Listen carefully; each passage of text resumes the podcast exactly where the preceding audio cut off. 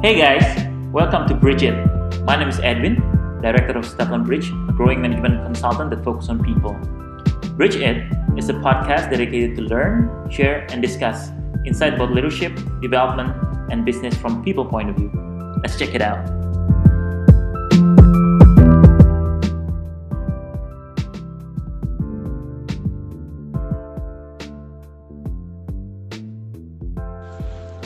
In this episode, we're going to talk about autonomous leadership and ways to encourage autonomy in the workplace. Oke, hai Bridgers, kembali la- kembali lagi di sini sama aku Lia, terus di sini ditemani sama Kak Feby sama Kak Rifki. Hai halo.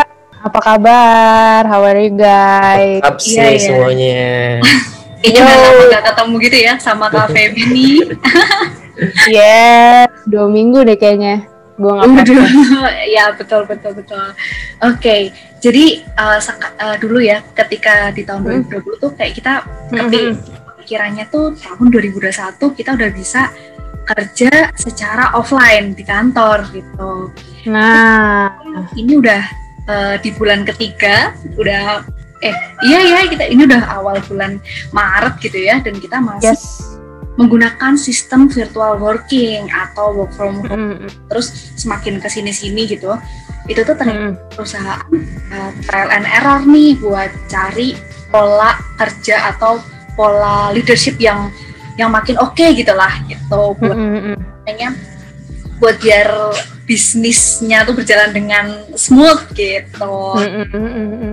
Tadi itu kita sempat, eh, aku tadi sempat baca-baca gitu. Ternyata Mhm. eh, ada salah satu pendekatan yang menarik nih, yang beberapa kali diadaptasi sama company-company, yaitu ada Wah, apa nih? autonomous leadership gitu. Oh, authority ke employee.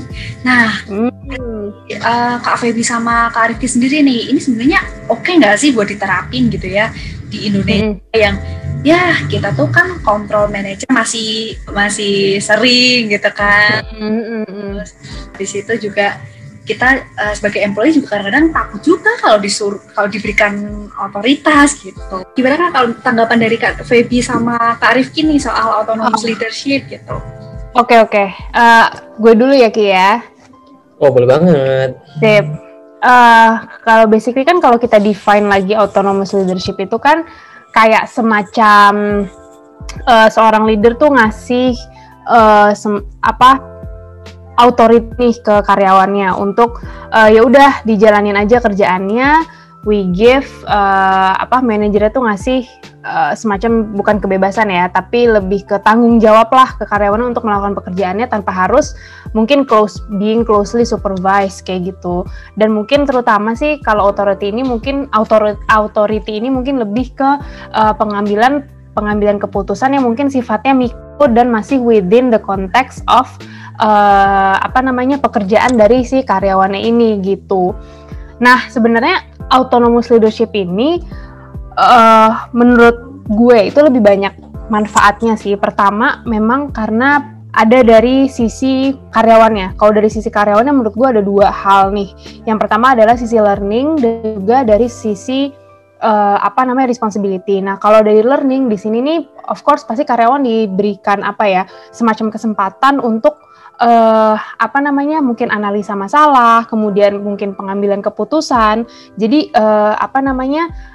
eh, thinkingnya dia nih, mindsetnya dia ini bukan cuma mindset orang operation yang kayak ya udah saya akan ngelakuin apa yang diperintahkan gitu atau apa yang diinstruksikan tapi mereka juga punya mindset atau thinking yang lebih jauh nih karena mereka harus eh, apa namanya mengambil keputusan dan menganalisa masalah yang mungkin mereka hadapin gitu nah itu dari sisi learningnya. Nah kedua itu dari sisi eh, apa namanya tanggung jawab. Ketika dikasih tas sebuah tanggung jawab lebih em, mungkin ya logically eh, seseorang tuh akan punya ownership juga nih ke pekerjaan itu. Jadi eh, apa namanya ketika something goes wrong atau misalnya something goes well dan ketika dia tahu oh ini tanggung jawab gue ini pekerjaan gue gitu. Jadi dia dia bisa punya ownership atas pekerjaannya sendiri gitu sih.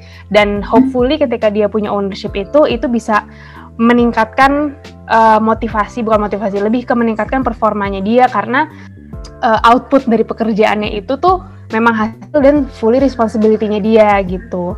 Nah, manfaat yang ketiga nih memang dari segi uh, leadership sendiri dan ya dari segi leadership sendiri. Jadi dari segi leader itu mereka jadi nggak harus micromanage, mereka nggak harus always closely supervise bawahannya. Nah, ini hal ini bisa dimanfaatkan oleh manager ataupun supervisor uh, buat pikirkan hal yang lain yang mungkin uh, sifatnya lebih lebih manajerial atau lebih lebih luas lah kayak gitu uh, contohnya misalnya manajer sekarang bisa uh, berpikir oh gimana ya cara gue bisa improve operation? Karena waktu dia untuk supervising anak-anaknya itu udah nggak banyak lagi tuh. Jadi dia cuma hanya misalnya uh, beberapa uh, apa namanya ngecek sekali-sekali. Nah sisanya waktunya bisa dia pakai untuk improving performance di operationnya atau misalnya di enhancing proses kerjanya kayak gitu-gitu sih. Kalau menurut gue kayak gitu.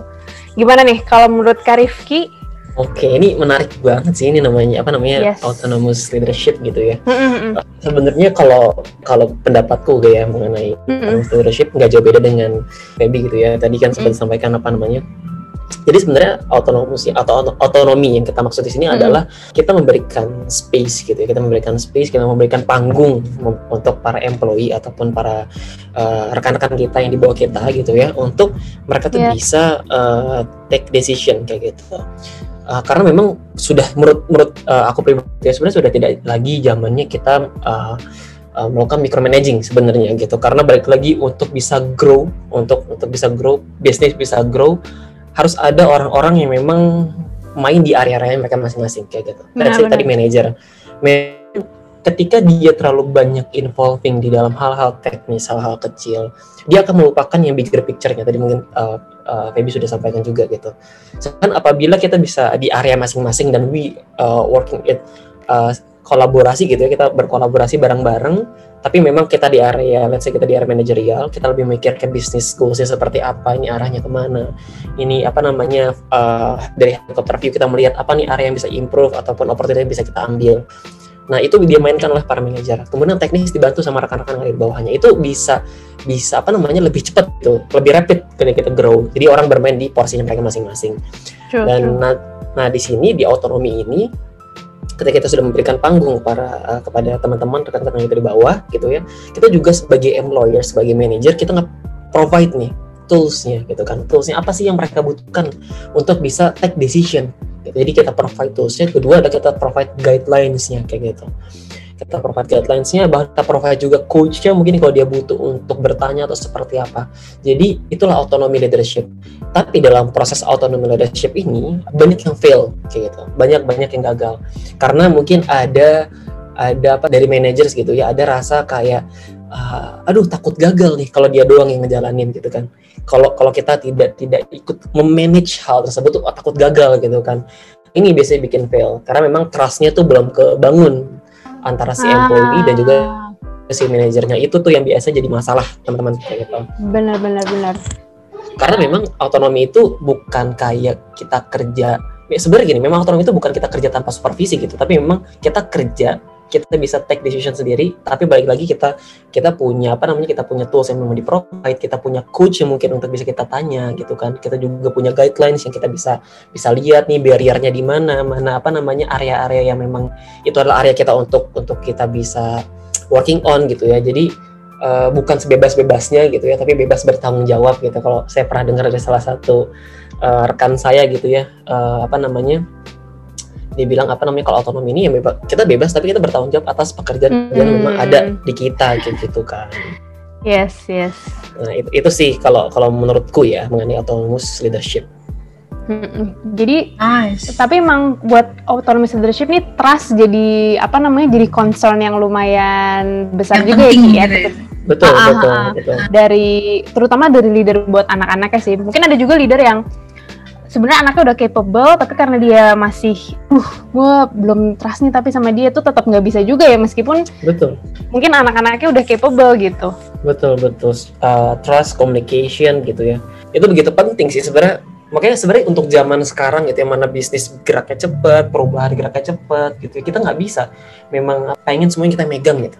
Sedangkan perusahaan memang mm -hmm. hire orang kan memang ekspertisnya di sana. Jadi kita memang harus yeah. put trust kita kepada orang tersebut kita if we are the manager gitu kan mm-hmm. jadi let's fokus sama hal-hal yang memang let's say tadi untuk kepentingan bisnis uh, berkembangnya bisnis kayak gitu mm. dan bahkan autonomous leadership ini udah diimplement juga sama Spotify teman-teman gitu ya dia wow. punya environment yang yang sudah apa namanya cukup uh, diadaptasi sama Spotify di mana mereka itu punya mereka nge-call rekan-rekan employee-nya itu namanya squads gitu. Jadi wow. si squads ini, si squads ini tuh memang responsibel banget sama spesifik aspek di dalam produknya si Spotify ini gitu. Jadi hmm. mereka punya authority untuk decide everything gitu bahkan kayak hmm. bagaimana itu harus dibuild terus kemudian apa namanya bagaimana uh, apa namanya uh, bentuknya seperti apa kayak gitu kan jadi memang hmm. ini sudah sudah di, di, diberikan otoritinya nih kepada si squad squad ini memang responsible di setiap aspeknya kayak gitu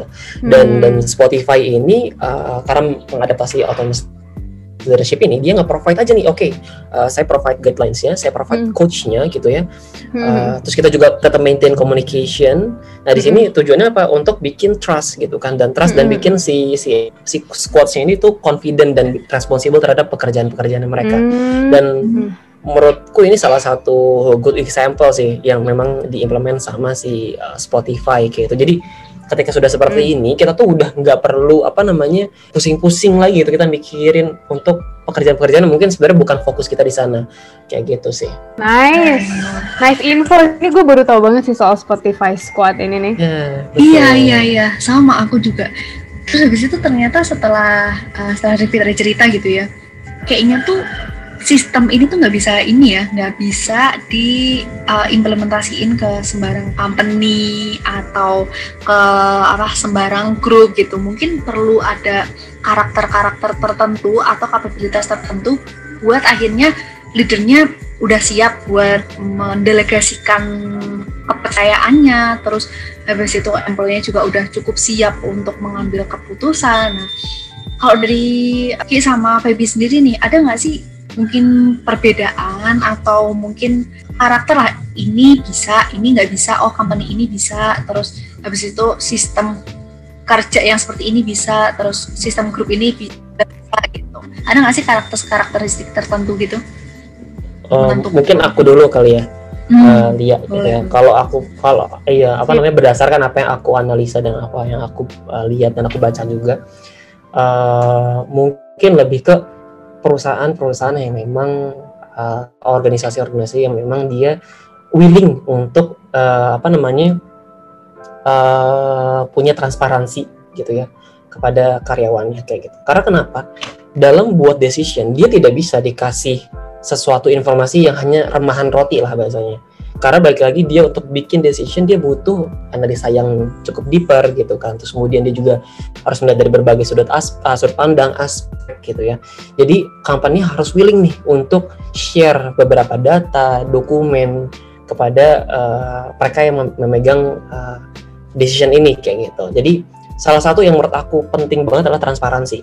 Ketika organisasi itu punya punya level transparansi yang baik gitu ya yang yang memang proper untuk mereka bisa bisa mengadaptasi autonomous leadership ini uh, mereka bisa jalankan kayak gitu. Tapi yang penting uh, baik lagi data yang kita share dokumen yang kita share itu juga harus menimbang apakah itu bisa merugikan atau tidak ataukah ini memang benar-benar penting atau tidak. Jadi tetap harus ada analisanya. Tapi the thing is transparansi penting dalam autonomous leadership sih kalau menurutku. Mungkin kalau dari uh, Feby gimana tuh? Oh setuju banget sih. Itu emang apa autonomous leadership memang bisa dijalankan ketika dari perusahaannya sendiri itu willing untuk sharing informasi yang lebih dalam ya. Dan mungkin uh, buat beberapa company probably yang menurut ah menurut mereka ah nggak perlu sebenarnya karyawan kayak gini tahu gitu. Tapi yes, dengan bener. mereka tahu mm -mm, tapi dengan mereka tahu sampai situ menurutku itu juga bisa provide them with uh, the ability untuk uh, apa namanya yaitu untuk uh, mengambil keputusan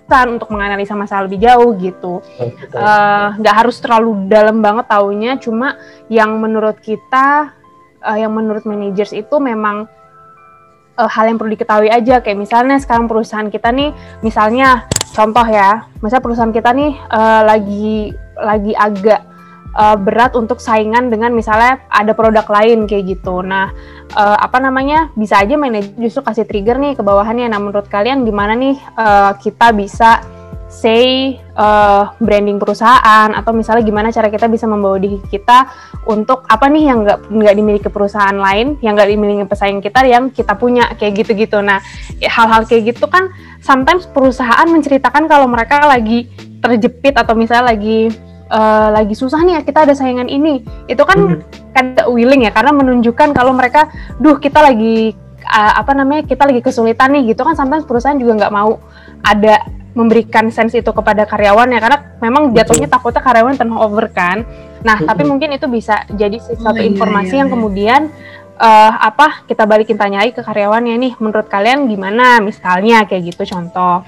Nah, terus uh, memang uh, mungkin uh, aku pengen bahas dari uh, perusahaan yang mungkin punya SOP yang sangat strict karena di sini hmm. apa namanya mungkin otonomi atau otoritas juga didefine dengan sangat strict. Nah mungkin di perusahaan kayak gini autonomi itu uh, autonomous leadership itu menjadi sesuatu yang memang agak sulit diimplementasi karena memang SOP-nya se-strict itu gitu dan autonomusnya atau apa namanya automatically itu memang semua udah diatur sama SOP gitu uh, contohnya kayak di bank gitu-gitu kan mereka punya strict uh, apa namanya mereka punya strict SOP kan. Kalau misalnya ada case ini handle gimana? Kalau ada case ini handle gimana gitu. Nah memang di situ biasanya karyawan sudah di educate sebelumnya untuk uh, tahu SOP-nya semua kayak gini. Biasanya kalau yang perusahaan strict kayak gitu. Jadi leadernya itu memang hanya uh, just making sure karyawan itu mengikuti SOP gitu. Uh, apa namanya? Nah, kalau yang di kayak gini-gini, kalau di perusahaan seperti itulah mungkin autonomous leadershipnya lebih ke um, jatuhnya lebih ke apa ya?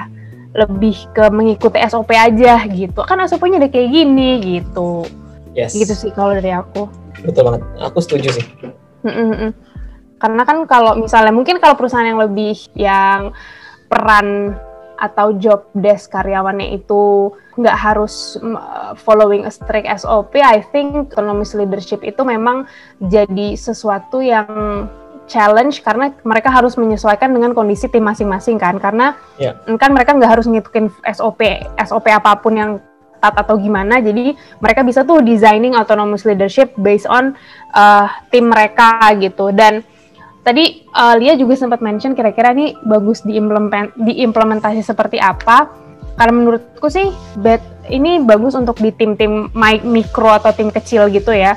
So uh, karena kan kalau jatuh kalau udah masuk level supervisor atau manager itu kan jadinya mereka memang punya responsibility untuk apa ya kalau dari segi kalau dari segi tanggung jawab kan mereka memang harus ada uh, apa namanya mereka emang loosely supervise gitu loh ya masa iya manajer yeah. masih diliatin kerjaannya gimana gitu kan nggak yeah. mungkin jadi yeah, memang yeah. autonomous leadership itu itu menurutku emang pas di tim mikro kayak mm, supervisor atau uh, first level manager itu supaya mempermudah uh, apa namanya pekerjaan mereka dan uh, memperlancar uh, working process di tim mereka rather than dia harus misalnya ngeliatin satu-satu kalau anaknya ada 10 orang kan juga repot banget gitu.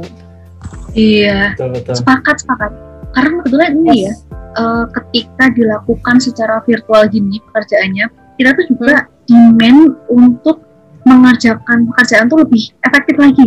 Kalau bisa kalau bisa tuh biar cepat selesai tuh sistem yang seperti apa sih yang paling cocok yang paling pas itu biar kita tuh energinya tetap terjaga buat mengerjakan mm -hmm. jadi nggak capek duluan di koordinasinya gitu mm -hmm.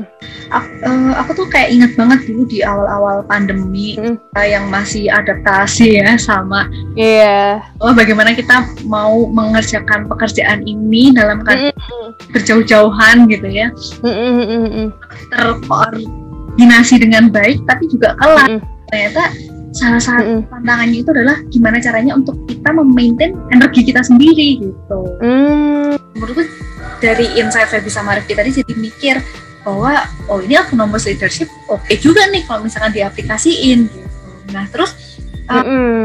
kepikiran juga bahwa autonomous leadership ini mungkin bisa dijadikan ini juga ya bisa dijadikan sarana development bagi employee kan manajemen mm -hmm. Namanya right. uh, orang-orang ini mereka akan suatu saat uh, apa ya suatu saat pergi suatu saat akan berpindah. Nah mungkin dengan adanya autonomous leadership ini secara secara nggak langsung juga uh, learning and development ini ada banget. Dari manajer langsung uh, nge-supervisi tapi nggak ketat memberikan authority tapi juga si employee juga jadi bisa kreatif gitu betul, betul. Terus setuju banget ini bagus banget sih buat uh, pipelining terutama oh iya iya iya, iya.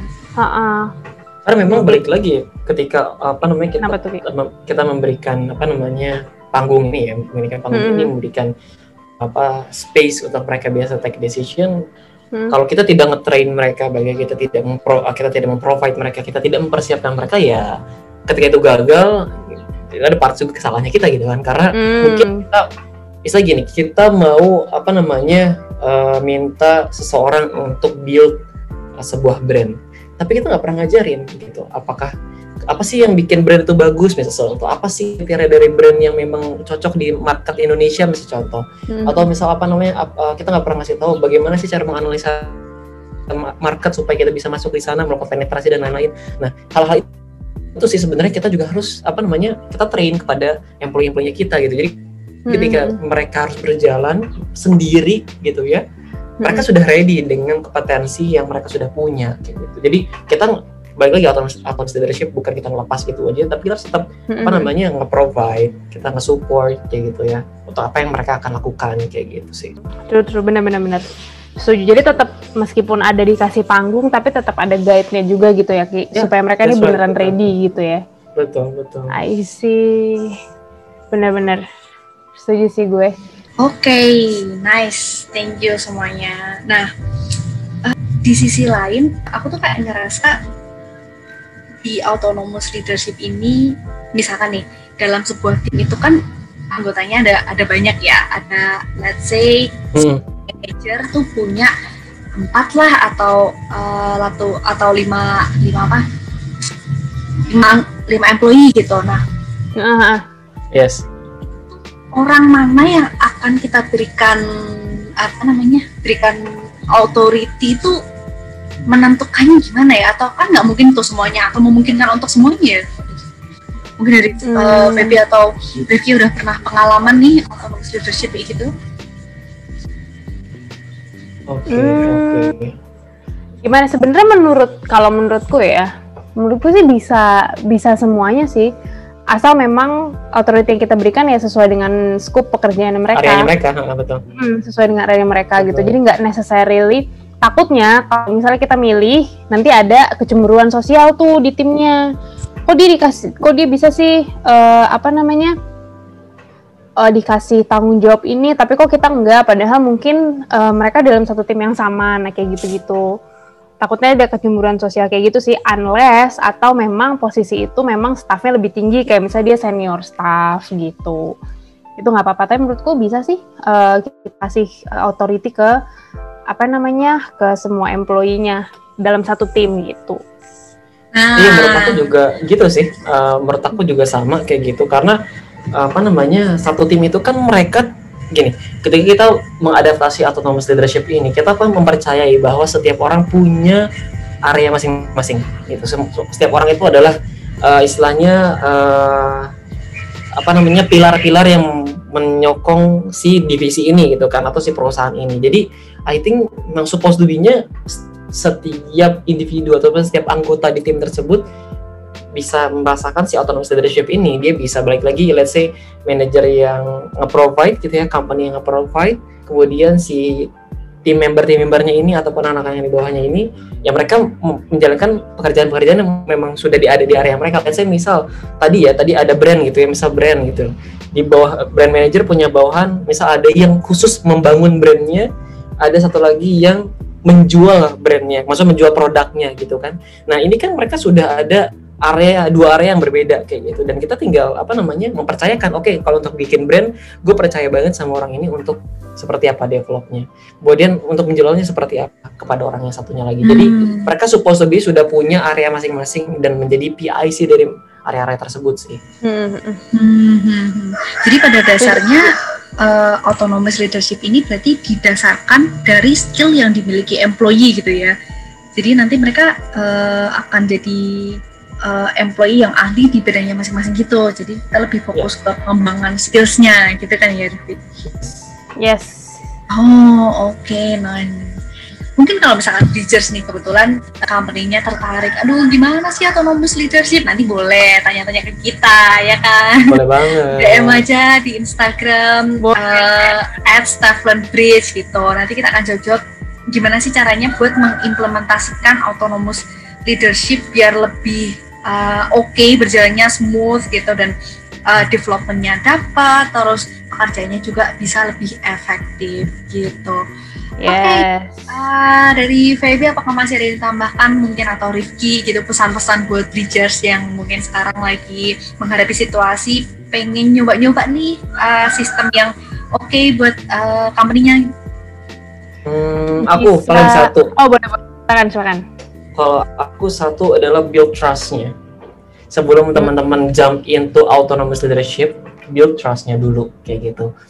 Apa uh, percaya dengan tim membernya ataupun rekan-rekan di bawahnya dan rekan-rekan yang di bawahnya kita gitu misalnya uh, kita juga meyakini bahwa managers itu support dalam setiap hal yang kita lakukan jadi trustnya dulu karena trust itu tidak diberikan tapi di earn atau di diperoleh kayak gitu kita usahakan gitu. yes. jadi apa namanya I think itu sih kalau dari ku trustnya dulu yang paling penting nice oke okay. Aku sama aja deh sama Rifki. Oke. Okay. Tadi okay. mau ngebahas trust juga. nice Ki. Oke, okay. nice. thank you semuanya yang udah uh, mau berdiskusi dan kita ngomongin autonomous leadership siang hari ini gitu ya. Yes. Thank you yang udah mendengarkan kita hari ini di topik ini ya seru banget. Nanti kalau misalkan DJs masih ada pertanyaan atau masih belum clear gitu ya, silakan tanya aja ke kita gitu. Feel free aja, santai aja. Nanti pasti akan kita jawab gitu. Oke. Okay. Untuk podcast hari ini, uh, sampai jumpa di podcast selanjutnya. See you, Bridgers. See you, Bridgers. See you, Bridgers. Stay healthy. Don't forget to listen to our podcast every Wednesday on Spotify, Apple Podcast, and Google Podcast. Visit our website at stavelinbridge.com, follow us on Instagram at stavelinbridge, and for any inquiries, please email to contact at stavelinbridge.com.